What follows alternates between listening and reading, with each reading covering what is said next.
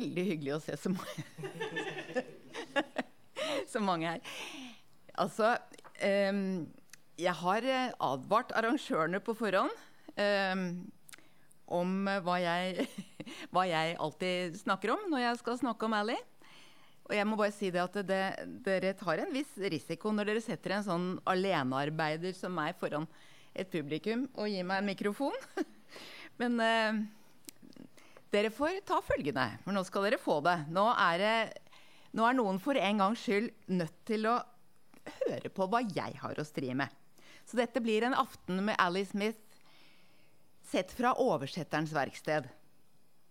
Men vi kan jo begynne pent og pyntelig. Ali Smith er født i Inverness i 1962.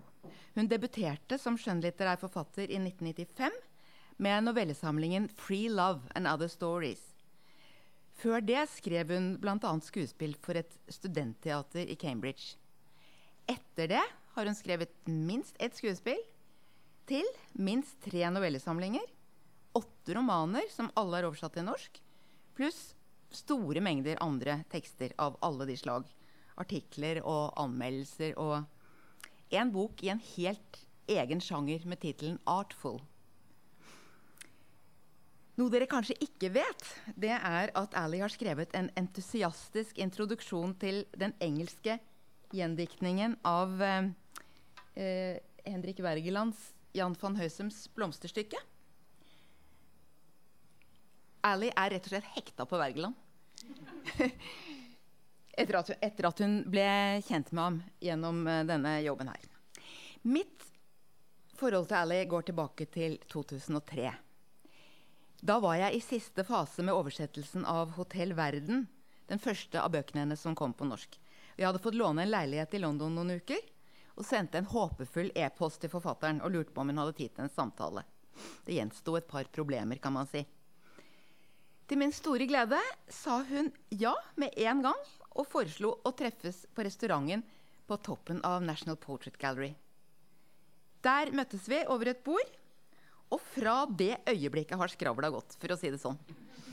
Altså, Vi behøver ikke å si det sånn. Vi kan si at det var et gledelig møte mellom en entusiastisk og ambisiøs oversetter og en forfatter med en helt uvanlig innsikt i og interesse for hva oversettelse er. Snakk om å ha flaks. Jeg hadde på det tidspunktet tilbrakt måneder og år av mitt liv i selskap med et par andre britiske damer, henholdsvis Virginia Woolf og Jane Austen. Festlig selskap, begge to, men veldig døde. Og her satt jeg med en sprell levende litterær arvtaker etter disse to spirituelle damene, som gjerne ville snakke med meg. F.eks. om hva man kan gjøre med ordet 'well' på norsk, og hva man ikke kan gjøre og hva man da skal finne på for å redde en bærende metafor når den ikke bare kan oversettes. Og nå er vi allerede midt i det, sånn som Ally og jeg var den gangen.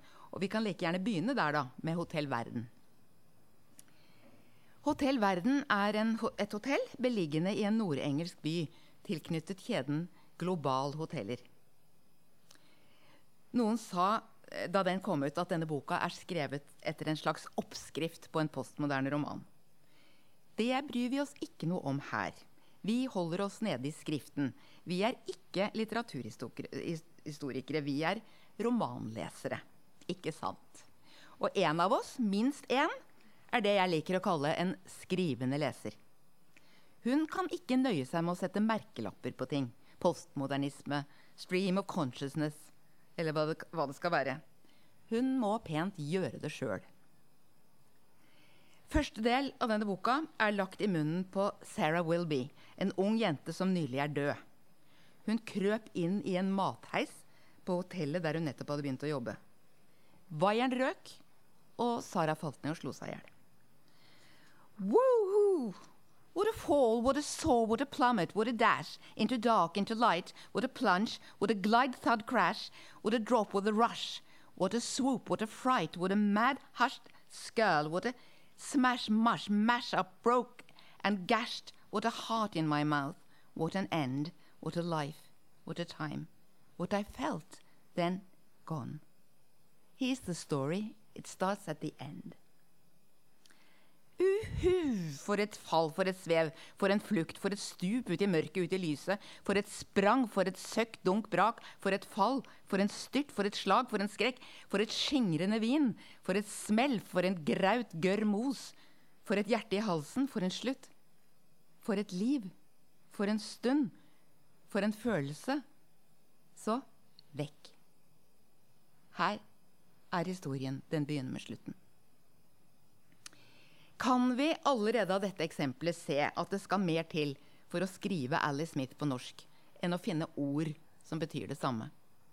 Kan vi se at takt, tempo, rytme, rim er like viktig, minst. It don't mean a thing if it ain't got that swing. Helt bokstavelig. Farten og rytmen er betydningsbærende. Og her i helt særegen grad. Sarah var nemlig konkurransesvømmer mens hun levde, så hun er jo veldig opptatt av tid. Hvis hun skulle ha gjort fallet en gang til Woohoo! And this time I'd count as I went. One elephant, two elephant. If I could feel it again, how I hit it, the basement, from four floors up, from toe to head, dead. Dead arm, dead hand, dead eye, dead eye. Four floors between me and the world. That's all it took to take me. That's the measure of it, the length and depth of it. The short good Uhu, og denne gangen skulle jeg ha telt mens jeg falt. Én elefant, to elefant Hvis jeg kunne kjent det igjen, hvordan jeg traff det. Kjellergulvet, fra fire etasjer opp, bråstopp. Død arm, død hånd, dødt bein, død meg. Fire etasjer mellom meg og verden. Lenger tok det ikke å ta meg. Akkurat så langt og så død. Takk og ad... Sarah Wilby er nå et spøkelse. Og 'ghost' er et kjerneord i boka. Alice Smith bruker det for alt det er verdt. Og på engelsk er det ordet virkelig søkklastet. Jeg for min del vil gjerne bruke det til å gjendrive en seig og feig myte om at norsk er så ordfattig. Alle oversettere vet at problemet like ofte er det stikk motsatte. Valgets kval. Ghost Spøkelse, gjenferd, gjenganger, dødning, fantom, gespenst, skrømt, skygge, ånd, følge, vardøger, anelse, antydning. Hva velger man på norsk når The Ghost of Dusty Springfield strømmer ut av et åpent vindu? Els sitter utenfor hotellet og tigger. Hun har lært å klare seg med nesten ingenting. Vokaler, f.eks., er en luksus man kan unnvære. Hjelpe meg med noen småpenger. Els heter Else i originalen, døpt Elspeth. Her er en gave, sa jeg til Ally, som en trøst for noe av det som faller på steingrunn i norsk. Els er halvparten av ordet elske. Og det trengs trøst. Who needs one pants? Fucking nobody is anybody. It's quite funny, the idea of fucking a nobody. Just a space where a body might be. Dessverre, dette fine bildet det fyker på norsk. For spørsmålet 'Hvem har bruk for én penny?' må fremfor alt få et idiomatisk svar. Et svar som ligger naturlig i munnen. Hvem har bruk for én penny?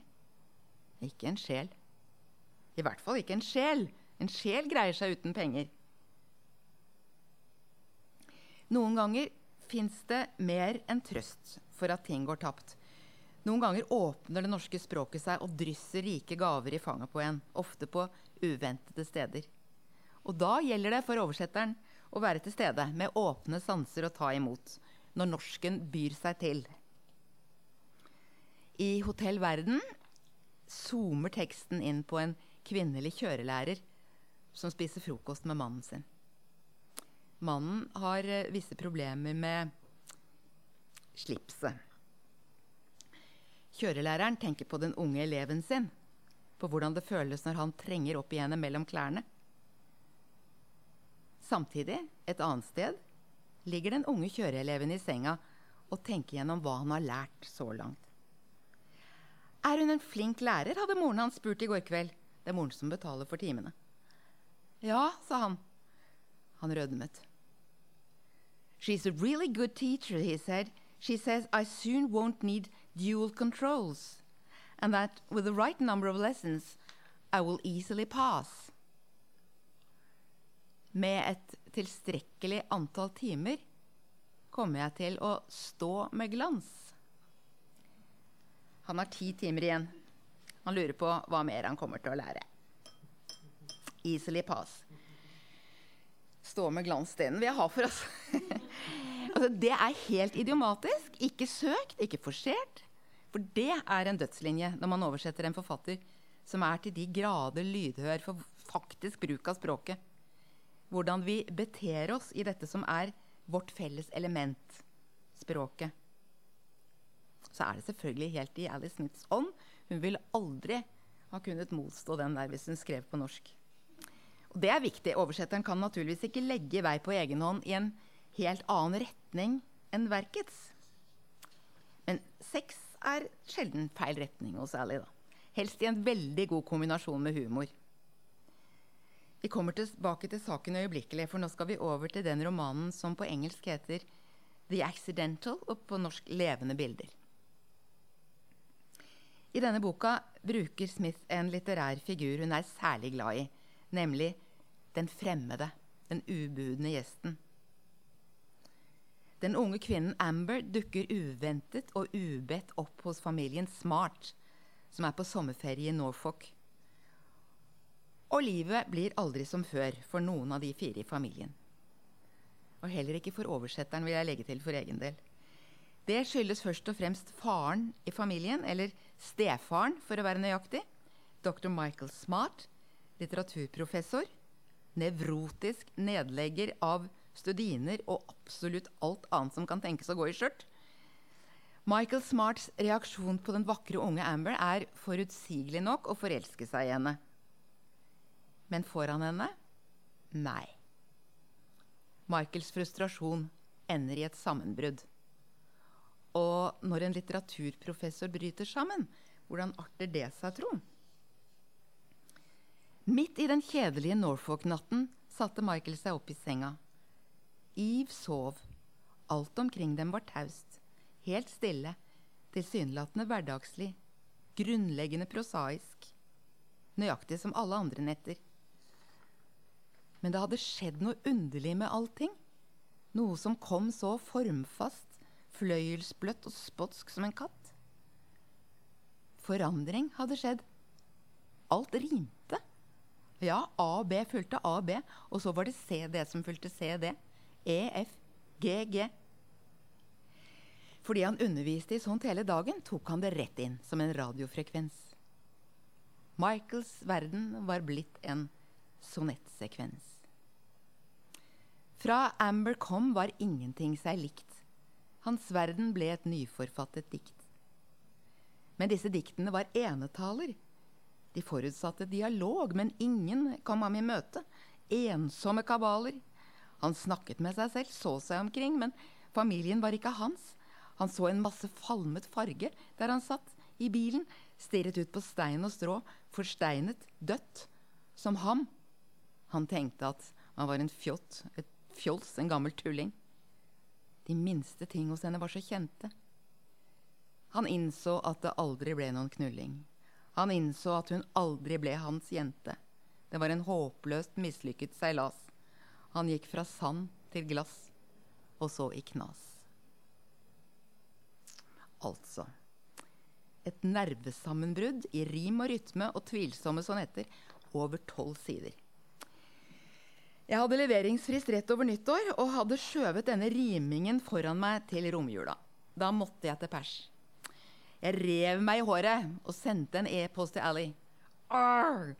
Think I shall perish now instead of later. Why will a writer torture a translator? Det gikk vel et par minutter, så kom følgende, og da var det ingen trøst å få. My dear Murette, of translators, you are the platonic model. For you these poems should be just a doddle.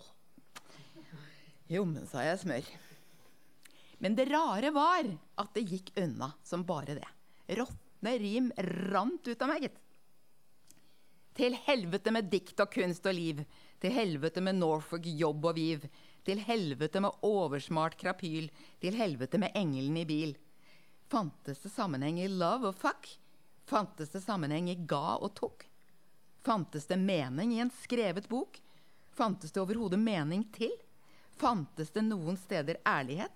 Fantes det et bedre rim på kjærlighet? Fantes det et rom der hjertet kunne blø? Fantes et sted der blødmer kunne dø?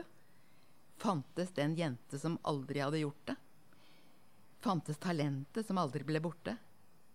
Ble alltid gravboken hengt ut som dumming? Ble alltid Shakespeare til en E.E. Cummings? Var alltid slutten sonetær ruin? Ble alltid Shakespeare gjort til Don Juan? Den boka som kom på norsk etter 'Levende bilder', var romanen 'Like', som på engelsk heter 'Like'. Dette var en opphentingsutgivelse i 2007. Den kom på engelsk allerede i 1997. Mange kjente smittgrep her. Ikke minst motsetningen mellom det engelske og det skotske, som en ofte bruker. Og fremfor alt den glupe jentungen. Her heter hun Kate. Disse språklekende ungene hos Alice Smith, det er det at de ennå ikke har stivnet i vår konvensjonelle navngiving av verden. De undres ustoppelig over forholdet mellom språk og virkelighet og fryder seg over språktull. Kates spesialitet er gåter og vitser. Hun får dilla på spøkelsesvitser. What do you get when you tip a tin of Heinz beans over a ghost? Beans on ghost. Beans on toast, ikke? På norsk. Hva har de til mat på dette toget? Spøkelaks og eggerøre. What kind of music do ghosts like most? Haunting melodies. What did the skeleton come home with after his holiday? A skeleton. Så det går ikke an å oversette sånt. Det ser dere sikkert. Så her må oversetteren løpe i gang sin egen vitsepresse. Har du hørt om gjenferdet som ikke tålte spøk? Har du hørt om mammaspøkelse og pappaspøkelse som fikk et lite lommetørkle? Hvor bader skjelettene? I Dødehavet. Hva bestiller spøkelser på restaurant? Gravlaks. Har du hørt om dødningene som havnet på beinrangel? Hva har spøkelser i matpakken? Børskiver. Hvorfor reiser ikke spøkelser med fly? Fordi det er spøking forbudt, også på toalettene. I 2009 kom den herlige lille boka 'Jente møter gutt'. Den var Alice Smiths bidrag til en serie med nyskrivinger av mytene fra Ovids metamorfoser. Jeg tror jeg vil melde på den i konkurransen om gode romanåpninger. Her er første setning. Nå skal dere få høre om den gangen jeg var jente, sier bestefar. Det er så mye fint i den boka, og så mye morsomt. Bl.a.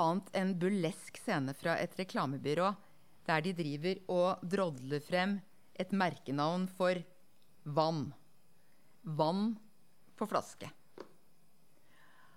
Og her kommer norsken og byr seg frem igjen med det uslåelige merkenavnet Springvann ærlig, ikke sant? Transparent, som det heter nå. Og da har vi kommet til eh, 2011 og romanen Jeg har glemt å spørre dere om hva dere har lest av Alice Smith, men det kan vi jo ta etterpå. Men da har vi i hvert fall kommet til romanen med den ytterst gåtefulle og helt uoversettelige tittelen 'The But for The'. Ikke sant? Det som ligger bak, er 'The But for the Grace of God Go You or I'. Da jeg hadde lest den boka, så sa jeg til redaktør Birgit Bjerk på Oktober forlag at nå har hun gjort det. Nå har Alice skrevet en uoversettelig roman. Ikke bare er tittelen mystisk og uoversettelig, men boka er strukturert over den tittelen. De fire delene heter henholdsvis The, But, For og The. Sukk. Og det er bare begynnelsen på hinderløpet, egentlig. Jeg så mørkt på det. Det så ut for meg som noe som ought not to be attempted, som Jane Austen ville ha sagt. Men så hadde Birgit og jeg en lang samtale på kontoret hennes der vi snakket oss gjennom boka, og etter hvert øynet jeg håp. Jeg tror ordet 'mysterium' var det forløsende. Jeg kan jo nevne at en av epigrafene i boka er et sitat av Catherine Mansfield. Jeg hater mysterier. Jeg gjøv løs. Og det er rart med det. Det er alltid rart med det. Gi deg teksten i vold. Hold sansene åpne for hva norsken har å by på, og du skal finne forbløffende ting. Først skulle boka ha tittel. En bok skal alltid ha tittel med en gang for at forlaget skal kunne begynne sitt arbeid med den. På norsk ble denne boka altså hetende 'På stedet mil'. Da den kom ut, var det en anmelder som skrev noe sånt som at her har nok oversetteren tatt seg vann over hodet. Bare se på den teite tittelen. Like etter skrev Anne Merete Prinos i Aftenposten at man måtte lese boka for å skjønne hvor genial den tittelen var. Nå ja, fete ord flyr forbi, som Stutum sa. Men de av dere som har lest boka, skjønner at referansen er til den gåtefulle skikkelsen Miles. Romanen åpner med denne setningen.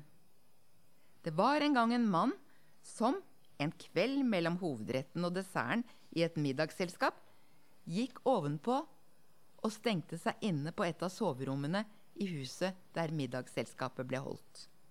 Sitat slutt. Og på det rommet står det en ergometersykkel. På stedet mil less. Ok? Igjen en ubuden gjest, som Amber i levende bilder. Det er et grunntema hos Ally Smith. Hvordan forholder vi oss til den ukjente, den fremmede, den andre som banker på hos oss? Viser vi gjestfrihet, eller tyr vi til selvforsvar? Jeg skal ikke utlegge den boka for dere. Jeg har sett så mange lesninger av den. Og det varierer sterkt hva folk legger mest vekt på. Den norske oversettelsen er nødvendigvis preget av den norske oversetterens lesning. Digresjon. Det var forresten sånn det begynte for meg, min inngang til det å bli oversetter. Jeg er en leser. Jeg skriver jo ikke egne romaner, bare andres. Men det trengs lesere her i verden også, sier jeg til meg selv og til dere. Og jeg er først og fremst en leser. En god leser, tror jeg. Oversetterens lesning må ikke være sånn at den låser eller tetter igjen et tekstunivers. Oppdraget går ut på å levere en tekst der betydningslagene er i behold og er tilgjengelige. Tilbake til Greenwich. Har jeg sagt det? At det foregår i Greenwich? Denne boka foregår i Greenwich, bydel i London. Den oppvakte, språkglade jentungen i, på stedet Mil heter Brooke Bayoude. Her er det første møtet mellom Brooke og den unge kvinnen Anna på trappa utenfor huset der dette berømmelige middagsselskapet har foregått. Hi, I'm Brooke.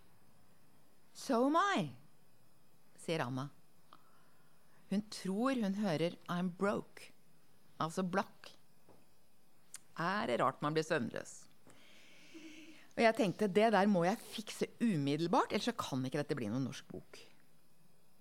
Men det er faktisk bare én ting å gjøre om det ikke skal bli sært og oppkonstruert og teit. Og det er å si det sånn som vi faktisk sier det på norsk. At Anna hører 'Jeg er blakk'. For ellers så måtte jeg gitt Brook et annet navn. Og det sitter langt inne. For navn hos Alice Smith er sjelden tilfeldige.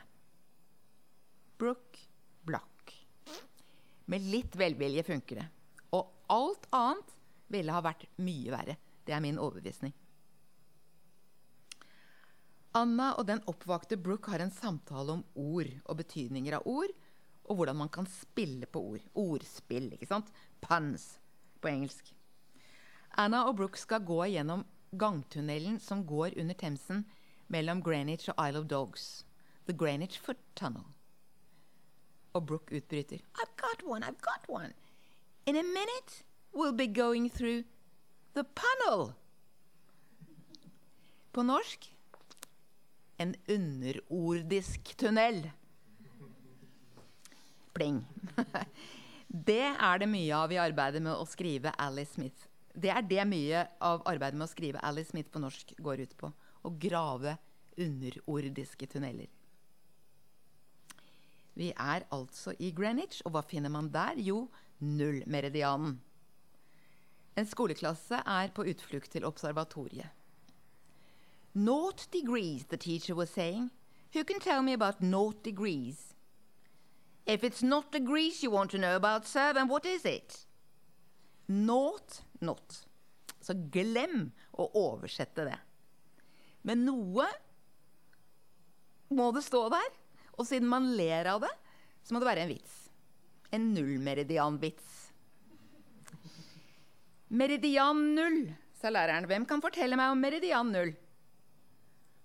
Er det sånn ull som vokser på meridianosaur, sa en gutt. Blødmer. Blødmer og rim. Hvem er det som rimer i denne boka? Jo, det er en stemme fra graven.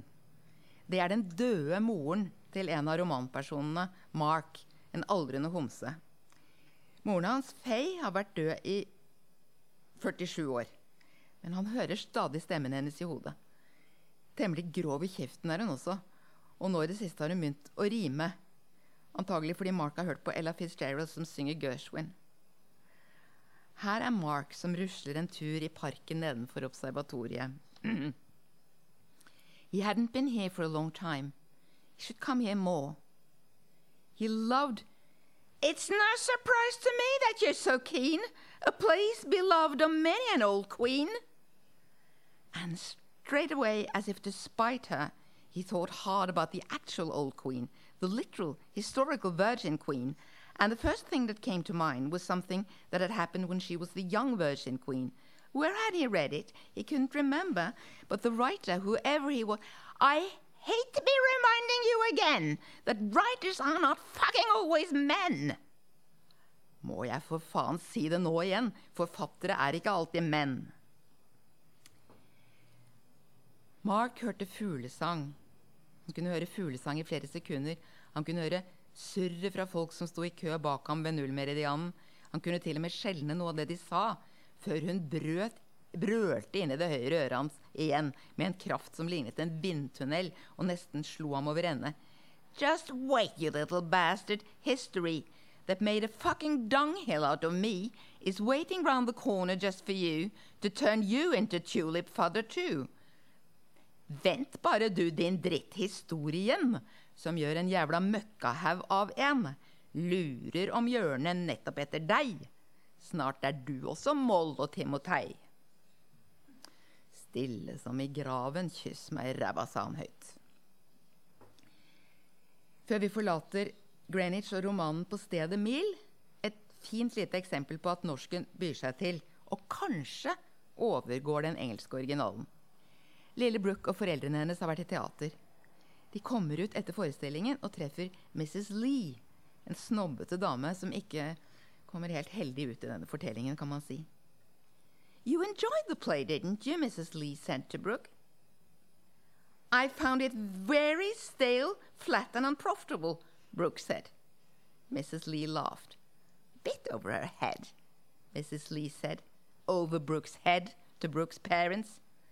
It is so not over my head, Brooke said. Du likte da stykket, gjorde du ikke det, sa Mrs. Littlebrook. Jeg syntes det var trettende forslitt, ensformig og lite givende, sa Brooke. Er litt over hodet på henne, stakkar, sa Mrs. Lee, over hodet på Brooke til foreldrene hennes. Overhodet ikke, sa Brooke. Pling. Romanen 'Begge deler' kom på norsk i 2016. På engelsk i 2014.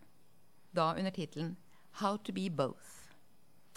Vi lar titteldiskusjonen ligge. Den var lang og hard.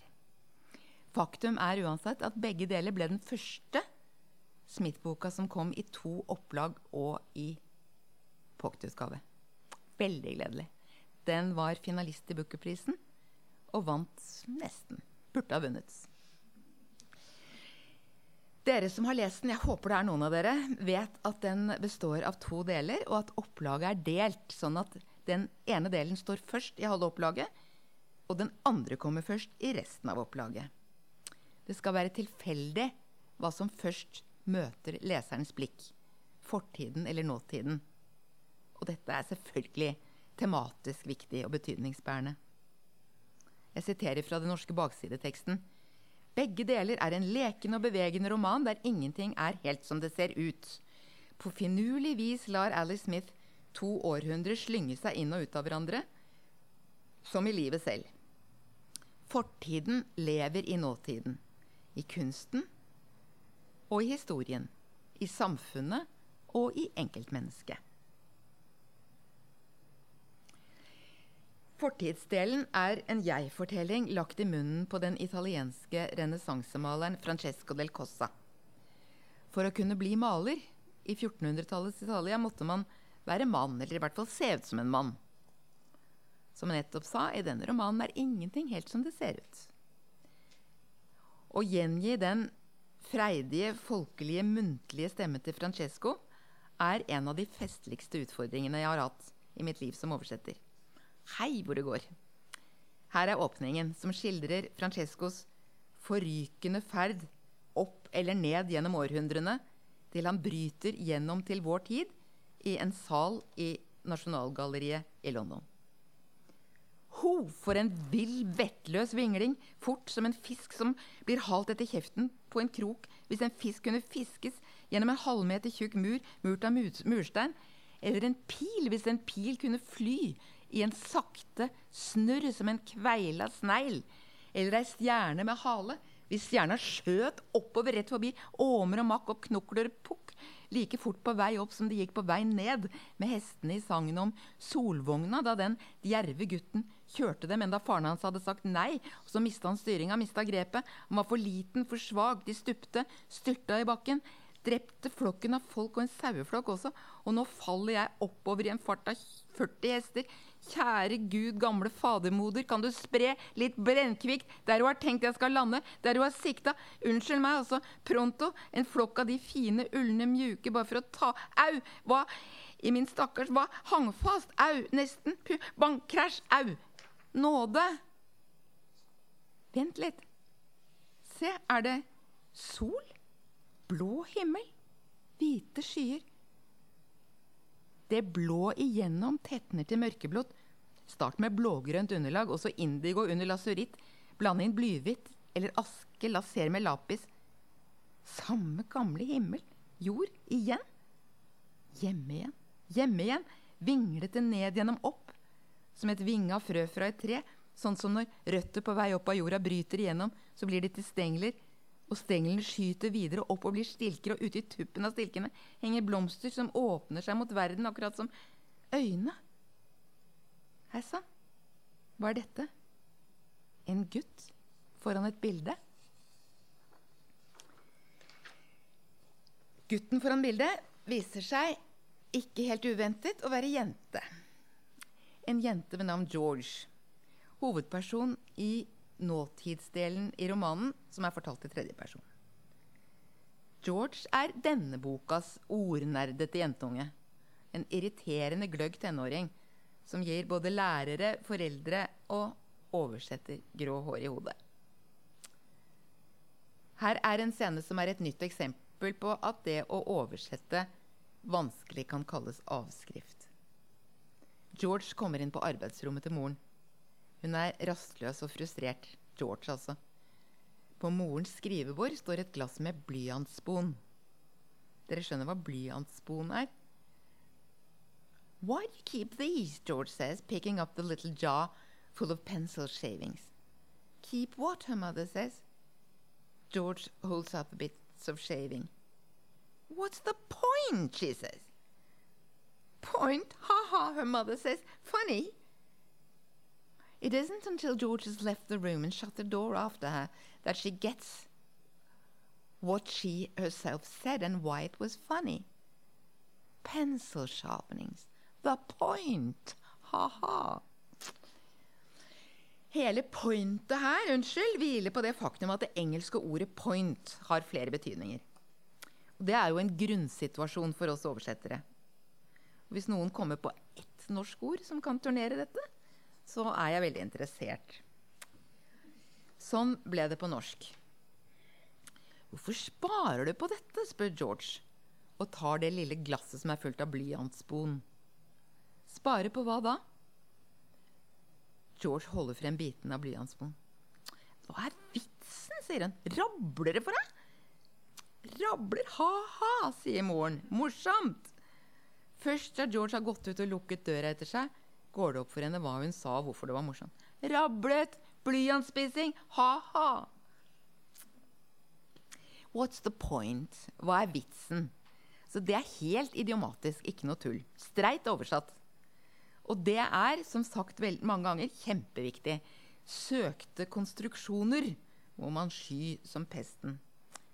Men George må si noe som får moren til å le. Så jeg satte inn 'rabler det for deg'. Dere ser hvordan jeg har tenkt blyant osv. Akkurat som i originalen på én måte.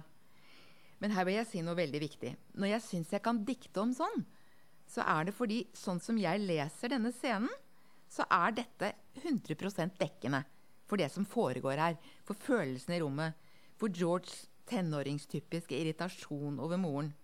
What's the point? Rabler det for deg? Pluss jeg kjenner karakteren George så godt at jeg vet at det er nøyaktig sånn hun driver. Hun løfter frem uttrykk og smaker på dem. Og sånn som er litt utenfor allfarvei, det er akkurat noe for henne. Vi har vært innom noen av de stuntene Alice Smiths oversettere er nødt til å turnere. Vitser og gåter, ordspill, uoversettelige titler, nervesammenbrudd i sonettform. I begge deler finner vi følgende stunt, artig for leserne, til å besvime av for oversetteren.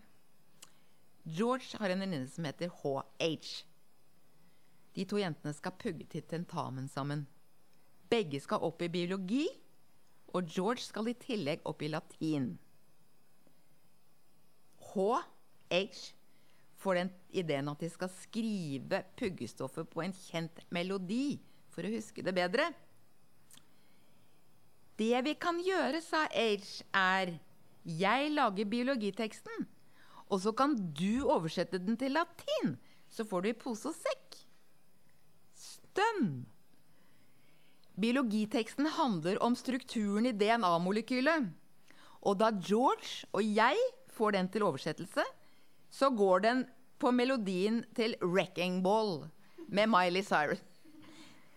Jeg har ikke synge den for dere på norsk, og jeg kan bare håpe at det ikke kommer en biolog etter meg med øks. Så det var en krevende dag på jobben, kan man si. Men denne boka Mye av den foregår i Ferrara i Nord-Italia, der man faktisk den dag i dag finner Francesco del Cossas strålende freskemalerier i Palazzo Schifanoia. Jeg så på et tidspunkt at jeg mot all formodning kom til å få tid til å dra dit før boka skulle leveres. Ja, sa Ally. Og da må du bo på det hotellrommet og sove i den senga med det hengende kunstverket over, der George og moren hennes har en veldig alvorlig samtale. Og jeg så gjorde. Lærde oversettelsesteoretikere fnyser av sånt og skulle oppsøke og ta på og spise det man oversetter for liksom å komme i stemning. Men Ally og jeg vet bedre. Det er gull verdt og kan ofte avleses direkte i oversettelsens kvalitet. I dette tilfellet fikk jeg oppleve, i virkeligheten, å stå foran veggen med det som moren til George omtaler som et vennlig kunstverk. Et vennlig kunstverk. Det lyder som en god karakteristikk av en Alice Smith-roman, spør du meg. Alice Smiths romaner formidler varme, menneskelighet, gjestfrihet, åpenhet, vennlighet, nysgjerrighet ansporer til å åpne sansene og være til stede i verden mens vi er det, sammen med andre. I økende grad tematiserer de også kunstens tilstedeværelse i verden, og hva den har der å gjøre. Så jeg skal ikke misjonere heller, jeg bare jobber her. Men jeg har nesten behov for å si at sånn som verden ser ut nå, og sånn som enkelte presidenter ser ut på håret, så er det greit å finne ut hvem man er på lag med. Og da er jeg på Alice lag. Veldig glad for å bidra der. Så nå tenkte jeg at vi skulle ha en fyndig avslutning på denne første delen av rapporten fra oversetterens verksted. Det har seg nemlig sånn at Ally Smith har kommet til å lage det perfekte bildet på det å oversette en skjønnlitterær tekst. Og på samspillet mellom forfatter og oversetter. Det er å finne på slutten av boka 'Jente møter gutt'. Det er jeg som har funnet ut at det er et bilde på det. altså. Den boka 'Jente møter gutt' den ender selvfølgelig i bryllup, der en vidgjeten felespiller spiller til dans. It was the song of the flow of things, the song of the undammed river. And there, with the fiddler, was his sidekick, who doubled the tune. Og der, ved siden av felespilleren, sto kompisen hans og spilte den samme melodien. Han sto der og spilte sammen med partneren sin og fant i alt han fikk fingrene i, fløyte, belgespill, harpe, gitar, tom gammel oljeboks og en kjepp eller stein til å slå på den med. En musikk som ikke bare fikk busker og trær til å rykke seg selv opp av jorda og flytte seg så de hørte bedre, men fikk dem til å slå ut med kvist og blad, fikk alle måkene til å klappe med vingene, fikk alle høylandets hunder til å bjeffe av glede, fikk alle tak til å danse på husene, fikk alle brostein i hele byen til å rive seg opp og stille seg på en kant og gjøre en glad piruett. Ja, fikk selv den gamle katedralen på sin faste grunnmur til å hoppe og sprette. The Fiddler and His Sidekick. Forfatteren og oversetteren. Kompisen som spiller den samme låta på sitt språk og bruker alt hun får fingrene i for å få det til å svinge sånn som det bør. Ja, denne delen skal altså handle om Alice Smiths årtidskvartett.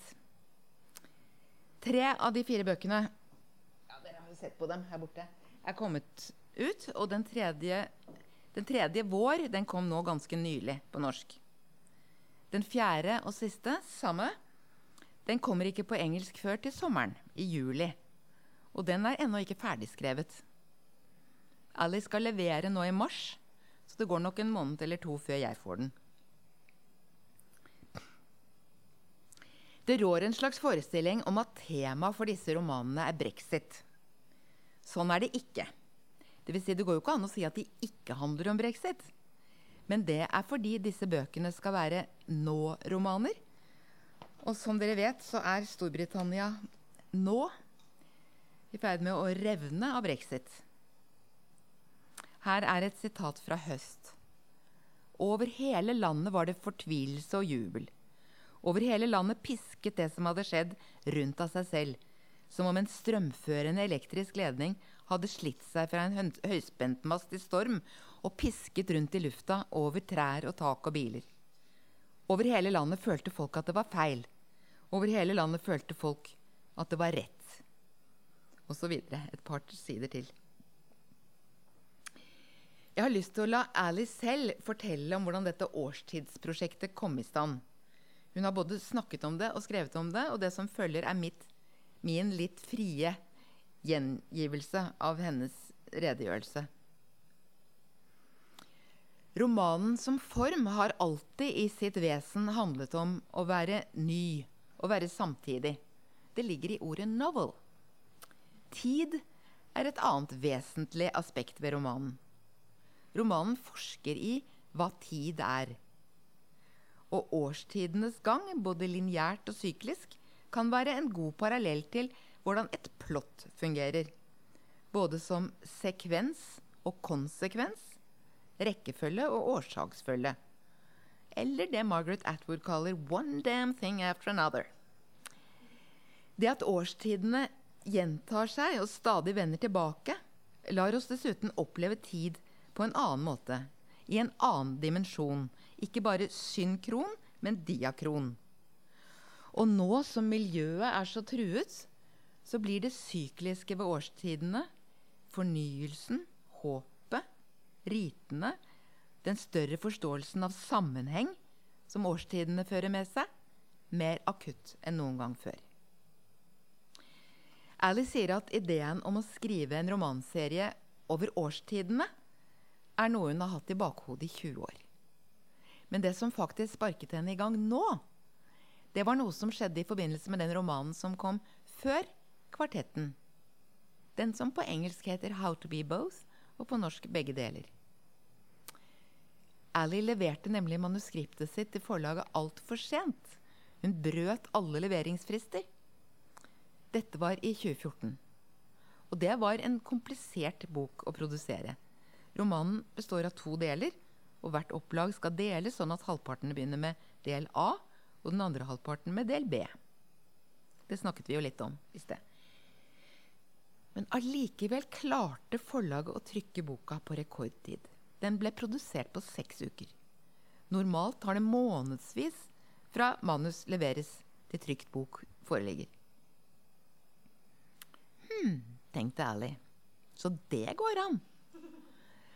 Og egentlig var det jo sånn romanforfattere drev før. Dickens, eksempel. Oliver Twist kom ut som føljetong. Ny episode hver måned mens forfatteren fremdeles drev og laget historien uten å vite hvor det bar. Og dermed dukket den gamle tanken om en årstidsserie opp igjen. Ally gikk til redaktøren sin og sa hva om jeg prøver å skrive en bokserie, enkeltstående, men sammenhengende romaner, med navn etter årstidene, og hver bok trykkes så tett på skrivingen av den som mulig? Vi prøver, sa redaktøren, og Ally gikk i gang med å skrive Autumn. Vinteren 2015-2016. Og så har de kommet hvert år på løpende bånd. For å ta vare på dette nå-perspektivet begynner ikke Ally å skrive før fire måneder før innleveringsdato. Hun har selvfølgelig tenkt og planlagt før det, men selve skrivingen gjøres på de fire månedene. Og så skjer forlagsarbeidet og trykkingen i løpet av noen uker. Noe av det stoffet som presset på hos forfatteren da hun begynte på den første boka, var historien om Storbritannias første kvinnelige popkunstner, maleren eh, Pauline Boaty, som fikk et kort, men fargerikt og fascinerende liv. Et av portrettene hun er kjent for, er av Christine Keeler. Dere husker Profumo-skandalen osv. Eller dere husker ikke, for dere er så unge. Men eh, altså denne historien og dens tematiske utløpere, utnyttelse av kvinner, klasseforakt, løgner i parlamentet osv., vever Ally inn i romanen. Og her var det født en ny idé. Hver av de fire bøkene skulle ha en kvinnelig kunstner innvevd i handling og tematikk på denne måten. Og det gir forfatteren anledning til å beskjeftige seg med det som er blitt et stadig viktigere tema i alle bøkene hennes kunstens vesen. Hvordan kunst virker i verden. Hva den så å si har der å gjøre. I den neste boka, 'Vinter', er det skulptøren Barbara Hepworth. Og i den nyeste, 'Vår', er det fotokunstneren Tabitha Dean. I sommer vet jeg ikke. Men jeg husker at Ally fortalte meg veldig tidlig at, at det skulle være en, sånn, en, kunst, en kvinnelig kunstner i hver bok. Dette å skrive og skape i dialog med andre former for kunst, det er noe som særpreger Alice Smiths forfatterskap. I hver eneste bok skriver hun inn sitater og referanser til popkultur, bildekunst og til litteratur av alle slag. Det er det man, hvis man vil, kan kalle intertekstualitet. Shakespeare og Dickens er faste følgesvenner i denne serien. Høst åpner med en parafrase over åpningssetningen fra Dickens to byer. Det var den verste av alle tider. Det var den verste, heter det hos Ally. Vi snakker brexit-tider. Ja, vi snakker flyktningkrise. Vi snakker høye gjerder. Vi snakker klimakrise. I denne verste av alle tider skyldes en gammel mann i land på en strand. Sånn åpner høst. Linn Ullmann intervjuet Ally på Litteraturhuset i fjor, i Oslo, i april i fjor. Litteraturhuset i Oslo i april i fjor og formulerte et langt og flott spørsmål om denne litt mystiske, poetiske åpning. Og det, særlig, det er jo Odyssevs, det. Ally Smith skriver seg inn i litteraturtradisjonen. Tar det hun trenger, bruker det kjærlig, morsomt og intelligent og åpent. Det er et studium verdt. Allusjoner hos Ally Smith. oversetteren må ha vidåpne øyne og ørene på stilk. Daniel Glück heter den gamle mannen på stranda. Han er døende. Det er det han er. Men heldigvis, som vi har hørt, er noe av romanens vesen dens behandling av tid. Og i høst er hele Daniel Glucks tid på jorden egentlig til stede. Han får en venn som heter Elisabeth. Og mens Daniel alt da er en gammel mann, er Elisabeth bare jentungen. Vi snakket jo før pausen om at det alltid fins en glup, kontrær jentunge i en Alice Smith-roman som utfordrer vårt tilstivnede blikk på verden. Vi hørte også før pausen om at det er mye riming i bøkene hennes. Og hva har gamle Daniel Gluck hatt for yrketro? Jo, han har vært det, med, det vi med et litt uskjønt norsk ord kaller låtskriver. Riming har gått ham i blodet. Han tenker og minnes på rim. Når han synes han har sand i munnen, synger sanden sin lille sandsang. Oversetteren ligger søvnløs på sin pute og venter på gullkorn i mørket. Jeg er fint, fint malt og er i nesten alt. Jeg er myk og kan ta av for et fall. Sleng en flaskepost i bølgene, så dupper den i vei. Flaska er av meg, finkornet, grovkornet, goldere enn såkornet. Mange av eksemplene på kreativ oversettelse i denne boka krever kontekst og blir for kompliserte her. Men la meg nå få lov å vise frem et sted der jeg mener den norske versjonen er på høyde med originalen, minst. Elisabeth, 13 år, er ute og går tur med Daniel. De skal gå til elva. Elisabeth syns det er litt langt. Skal vi gjøre mens vi går hele veien dit og tilbake? spurte Elisabeth. We'll play bagatelle, Daniel said. Leken er sånn. Jeg sier den første linja i en historie, sa Daniel. Ok, sa Elisabeth. Og så forteller du meg den historien som faller deg inn, når du hører den første linja sa Daniel. Og så følger en helt fantastisk beretning av nok et grunntema hos Alice Smith. En helt fantastisk behandling skal jeg si, av nok et grunntema, nemlig det at det alltid fins en annen historie. Men hvorfor heter leken bagatell? Og det skal jeg si dere, det er ene og alene for å berede grunnen for en saftig punchline i slutten av kapittelet. Now you're ready, Daniel said. Ready for what? Elizabeth said. Ready to bagatelle it as it is, Daniel said. Så hva skal leken hete på norsk? Hva med fantasi? Bedre og mer beskrivende enn bagatell?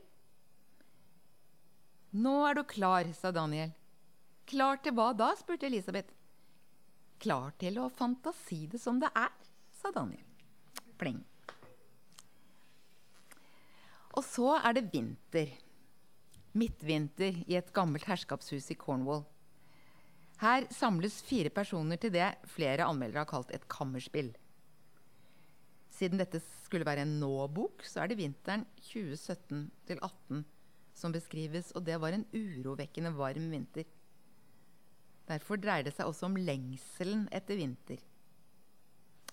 Men det er ikke akkurat lun julehygge som preger stemningen innendørs. Vi møter Sofia, en gang forretningskvinne med stor suksess. Vi møter søsteren hennes, Iris, Sofias rake motsetning. Hun er aktivist, hun har brukt livet sitt til å protestere. Vi møter Sofias sønn, Art, som skriver en naturblogg som heter Art in Nature. Men som egentlig tjener i livets opphold ved å spore opp rettighetsbrudd på vegne av et stort, guffent selskap som vi er blitt kjent med i de tidligere bøkene. Og så møter vi Lux, en jente som Art treffer tilfeldig å ta med seg til Cornwall fordi han egentlig skulle hatt med samboeren sin, Charlotte, men så har det skåret seg med Arthur Charlotte. Hvem er Lux? Jeg kan i hvert fall si at hun er en herlig romanperson, og hun er gjesten i denne boka, slik Amber var i levende bilder. Den fremmede i deres midte med rett til å si sannheten. 'License to tell the truth', var det en anmelder som sa. Veldig fint. Lux betyr jo lys. Vi finner det igjen i Santa Lucia. Og Lux kaster nettopp lys over bristene i denne familien og bidrar til å hele dem. Men hun er også reelt sett en fremmed. En student fra Kroatia som er pengelens og har mistet alle rettigheter i Storbritannia. I høst var det Dickens, To byer og Huxleys Fagre nye verden som lå under teksten og informerte og beriket den. I vinter er det Shakespeares skuespill 'Cymbeline', men fremfor alt og mest gjenkjennbart for oss Dickens' 'A Christmas Carol'. Et julekvad, som Torstein Bøge Høverstad har kalt den i sin oversettelse. Dere husker Ebenezer Scrooge? Knug på norsk. Sofia er en sånn knug for vår tid. Det er ikke vanskelig å få øye på knugene rundt oss for tiden. Eller i oss, for den del. Sofia syns nok er nok. La oss stenge grensen og sørge for oss selv. Men søsteren hennes, Iris, hun gir seg ikke på tørre møkka. Hun har gått i tog og ligget i leir, og nå har hun nettopp kommet hjem fra Hellas. Jeg har vært i Hellas, sa Iris. Jeg kom hjem for tre uker siden. Jeg drar tilbake i januar. Ferie? spurte Sofie. Har du et hus der? Ja da, sa Iris. Fortell det til vennene dine. Si at de må komme, de også. Vi har det helt fantastisk. Tusenvis av feriegjester ankommer hver dag fra Syria, Afghanistan og Irak for å ta en langhelg i Tyrkia og Hellas. Ja, den handler om virkeligheten, denne boka. Om nåtiden. Men akkurat som andre tekster Akkurat som i andre tekster, historier som alt er fortalt, dukker opp i romanen og går i dialog med den. Rediger. Akkurat som andre tekster, historier som alt er fortalt, dukker opp i romanen og går i dialog med den, dukker det også opp andre elementer som utvider romanuniverset og utfordrer leseren. Da boka åpner, er Sofia alene i det store huset i Cornwall. Bare at hun ikke er alene. Hun har selskap av et hode. Et barnehode som liksom svever og dupper i lufta rundt henne. Det er veldig morsomt, faktisk. Sofia tror kanskje det er noe galt med øynene hennes. Går til optiker. Et besøk som består Som byr på stor komikk. Hva er det med det hodet, da? Man får tenke selv. Min første assosiasjon gikk nettopp til Barbara Hepworths skulpturer. Hun bodde i Cornwall, og hun opptrer i teksten. Og det gjør også en lo lokal legende om en konge som kappet hodet av datteren sin. Og nå sier jeg ikke mer. Ally har sagt at bøkene i denne serien er frittstående, men også henger sammen. At de henger sammen tematisk, er ikke så vanskelig å se. De handler om vår tids utfordringer og bruker historie og kunst og myter til å bearbeide de brennaktuelle spørsmålene. Men det er andre sammenhenger også for den våkne leser. Jeg spør dere som har lest 'Høst og vinter'. Hvem er far til Sofias sønn Art? Er det noen som vet det? Tenk på det. Etter jeg, tenker at alt sånt blir klart og betydelig, som det heter, når, etter at bind fire har kommet. Men jeg ser mange forbindelseslinjer som jeg ikke er sikker på at uh, alle leserne ser. Men det er spennende. Etter vinter kommer vår. Men det kan jeg love at det er ikke noen uh, mai du skjønner milde å finne bak disse vakre, vårblomstrende permene. Boka åpner med en knyttneve av en kommentarfeltaktig tekst, ganske ekkel. Fulgt av en truende melding fra naturen selv. Kødd med klimaet mitt, og jeg skal gjøre livet surt for dere. Fulgt av en mann på en øde jernbanestasjon i Nord-Skottland i ferd med å kaste seg foran toget, hvis det noen gang kommer. Mannen er Richard Lees, fjernsynsregissør. Hans gode venn manusforfatteren Patricia Heal, eller Paddy, er nylig død. Richard er i dyp sorg.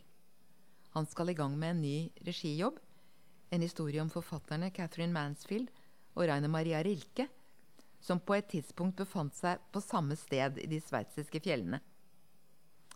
Den nye manusforfatteren er imidlertid, i motsetning til den elskede Paddy, en opportunistisk lettvekter som tar særdeles lett på krav til sannhet og etterrettelighet i sin bruk av fakta.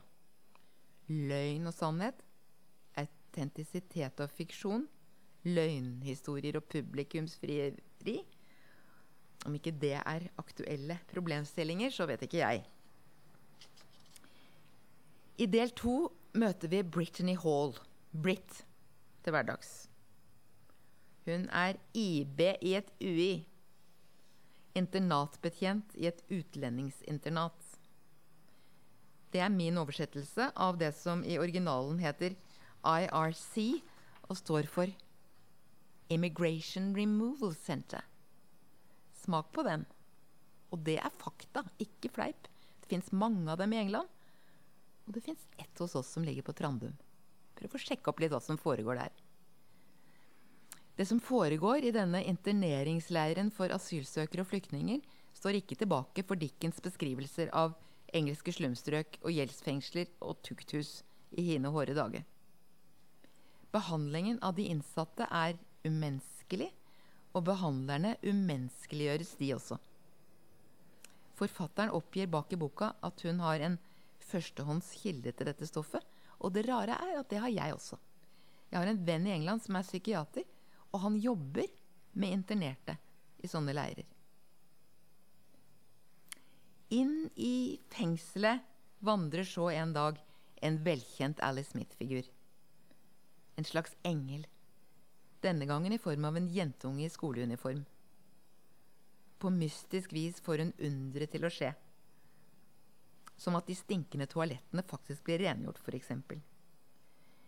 Da engelen Florence forlater leiren, følger fangevokteren Britt med. Ferden går nordover med tog. Ut stiger de på den øde stasjonen Kinyusi i Skottland, der Florence kommer akkurat tidsnok til å redde Richard Lees fra en selvvalgt død der han ligger på skinnene. Du må være så snill å ikke gjøre det der, sier Florence. På engelsk er det sånn I really need you not to be doing that, sir. Eller noe sånt noe. Den videre handlingen involverer en såkalt underjordisk jernbane. En redningskjede dannet av rettsinnede briter som jobber for å redde såkalte forsvunne flyktninger fra helvete i interneringsleirene. Florence skal møte moren sin, som er en av dem. Møtet finner sted på Culloden Moa. Smith slår på stortromma når hun lar dagens kamp mellom menneskelighet og maskinmessig kontroll utspille seg på den gamle slagmarken der europeere av mange avskygninger sto sammen og mot hverandre i strid. Det ender ikke godt. Boka er til dels bekmørk, og som vi vet, ser det ikke så lystelig ut i virkeligheten heller. Men det er jo lystelig også, for ikke å si kostelig, for ellers så var det jo ikke en bok av Alice Smith. Vi kan se litt nærmere på hva oversetteren har hatt å more seg med her. Dere husker at Smith trekker inn historien om Catherine Mansfield og Rainer Maria Rilke. I originalen står det She was New Zealand. He was What was he? Austrian? Czech? Bohemian?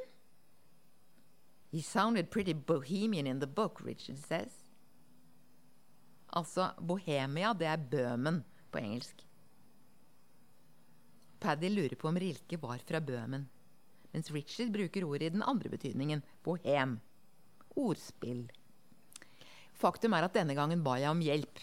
Det fins noe som heter O-ringen, som er en eh, e-postring for oversettere, der vi kan legge ut faglige spørsmål og få hjelp. Denne gangen fikk jeg innmari god hjelp og skulle ønske jeg kunne si at jeg hadde kommet på det selv. Det virker så enkelt etterpå. Hør nå. Hun var fra New Zealand, og han Hva var han? Østerriker? Bøhmer? Tsjekker? Han var litt av en sjekker i boka, i hvert fall, sier Richard. Saken er jo at Rilke var det. Han var en skikkelig damenes venn. Han innyndet seg hos kvinner. Særlig rike kvinner med dikt og roser. Det fins masse sånt hos Alice Smith hele tiden. Hun har det så gøy med språk. Og heldigvis så er det akkurat sånn som jeg også syns er gøy. Hør her, da. Et av TV-dramaene som Paddy og Richard har laget sammen, heter Andy Hoffnung. Altså Andy Hoffnung av Beethoven, ikke sant? I en veldig fin samtale mellom Brittany og Florence på toget nordover er Brittany veldig opptatt av hvorfor Florence har valgt seg ut henne av alle de ansatte på utlendingsinternatet.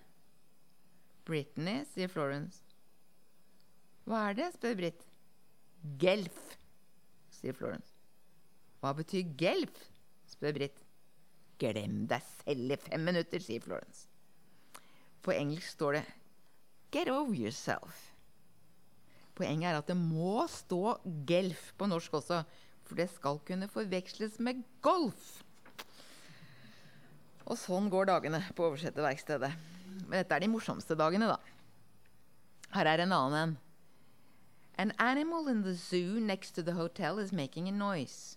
Lowing, to use an old word from history and songs that nobody uses in real life anymore.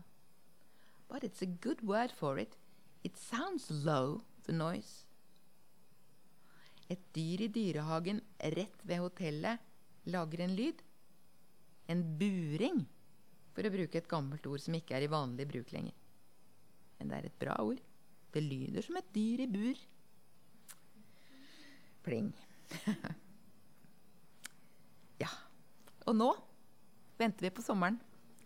På sommerboka som skal gjøre denne romankvartetten komplett til et helhetlig kunstverk. For det skal det bli. Året. Slutt. Ferdig. The end. Ble litt brått.